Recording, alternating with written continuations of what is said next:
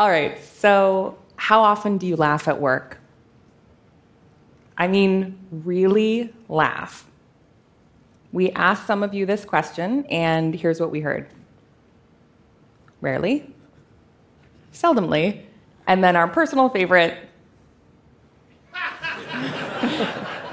I study climate change. Why would I laugh?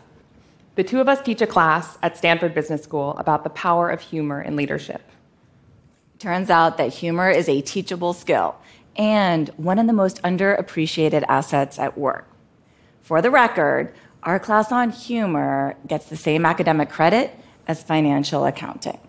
Which is not a joke. Right. Here's the problem, though. We've all fallen off a humor cliff. In a global study, over a million people were asked a simple question did you smile or laugh a lot yesterday? When we are kids, the answer is yes. Then, right when we enter the workforce, the answer becomes no. The good news is things look up again around 80.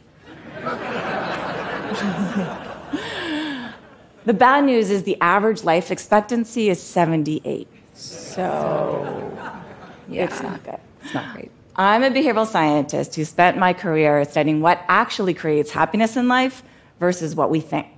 And I'm a corporate strategist who spent my career straddling the worlds of business and improv comedy, which was a wide straddle. The two of us are on a mission to bring humor back. Over the last decade, we've gathered data, partnered with comedians, and talked to leaders about humor. One of them was our friend, Connor Dimon Connor is the co CEO of a large nonprofit and in early 2020, just weeks after the world went into quarantine, he's leading his first virtual offsite with his entire organization. People are exhausted and scared, it's tense. So, Connor shares a few slides before passing to another teammate to speak. But when he does, he intentionally leaves his screen share on. So his entire organization watches, thinking that this is a terrible mistake, as Connor closes his PowerPoint opens up a Google search and types in this.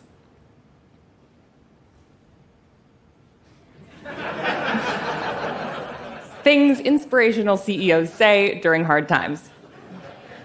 Everyone laughs.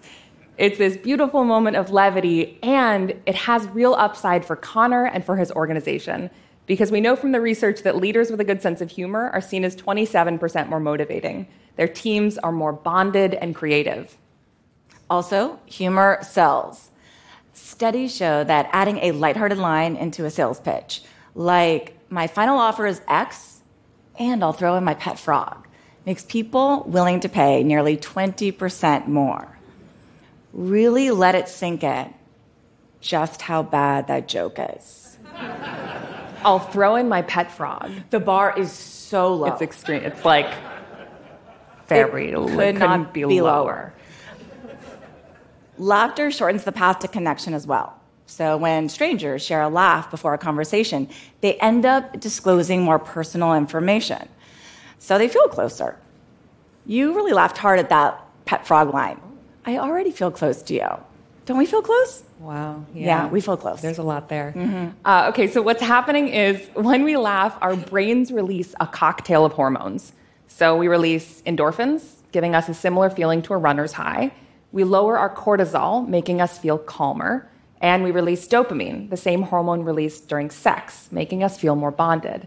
So, in essence, as far as our brains are concerned, laughing is like exercising, meditating, and having sex at the same time. But logistically easier. Also efficient. It's efficient. Yes. Yeah. There's a lot to it. All right, so humor works. And the really good news that we want to talk about today is that this humor clip is actually easy to fix. Isn't that better? 10 years, but we got there, right? Just a little sharpie. Okay, no, the, uh, the actual good news is that our lives are full of humor if we know how to look for it. Here's the secret don't look for what's funny, just notice what's true. We asked some of you what's true in your own lives, and here's a few things we heard. Since working from home, I only comb the front part of my hair. I only like my own kids. There, I said it. Uh, so, this is not about becoming a comedian. This is about looking at the world in a different way. There's a psychological principle called the priming effect that says our brains are wired to see what we've been set up to expect. In essence, we find what we choose to look for. So when we live our lives on the precipice of a smile, we shift how we interact with the world, and in turn, how it interacts back. It's also about being human, which should be easy because we are human. But at work, it's oftentimes harder than we think. In a recent survey, um, people were asked what traits inspire trust in a leader. One of the top responses speaks like a regular person. When work gets serious and life gets busy, we become transactional. And yet, these small shifts are enough to move us from transactional to human, as small as a single word, like how we often sign off our emails best. What does best even mean? Are you the best? Am I the best? Why do I need to tell you that? We can do better than best. Instead, how about uh, when you've been up all night? Yours heavily caffeinated. When you're talking about financial accounting, let's never speak of this again. and on rare occasion, I'm the best. Sometimes you just gotta let people know. Now, uh, it's easy to believe that if we take our lives or our mission seriously, the presence of humor betrays that mission, that gravity and levity are somehow at odds.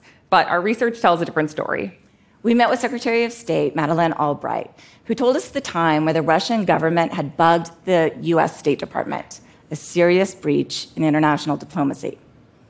After learning about the bugging, Secretary Albright uh, then uh, went to her next meeting with the Russian foreign minister wearing a bug pin.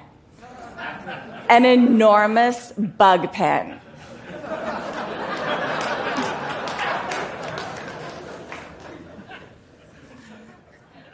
she shared how the foreign minister couldn't help but smile.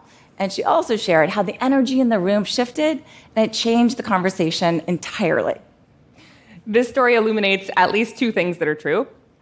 First, that humor is a choice, one we make in small moments and in big ones too. And second, that the balance of gravity and levity gives power to both. We can do serious things without taking ourselves so seriously. And in fact, often we can do them better and more fashionably. Now, we often hear that humor can be so tricky these days, and it's true. Comedians know this, which is why they can practice hundreds of times before a line makes it into one of their sets. They also get to wear jeans and drink whiskey at work. It's all very unfair. So, how can we, as normal, non comedian people, practice safe sets? Start by recognizing it's not about you. So, don't ask, will this make me sound funny? Instead, ask, how will this make other people feel? Which also means never punching down, that is, making fun of someone of lower status. And be sure to check your distance. How close are you personally to what you're making light of? I can make fun of my mother, but not your mother, who, by the way, I hear is a saint. I heard that too. Like a lovely lady. An angel. Our hope today is that you start climbing back up the humor cliff. Start with what's true and start small. Choose to live on the precipice of a smile. When we do, we create teams, communities, and families where joy and laughter come more easily. Laughing together makes us feel more connected. It floods our brains with the same hormones associated with love. And who doesn't want to feel more joy and love in our lives? Where humor exists, love is not far behind. And if that doesn't sell you on the power of humor, I will throw in my pet frog. Thank, Thank you. you so much.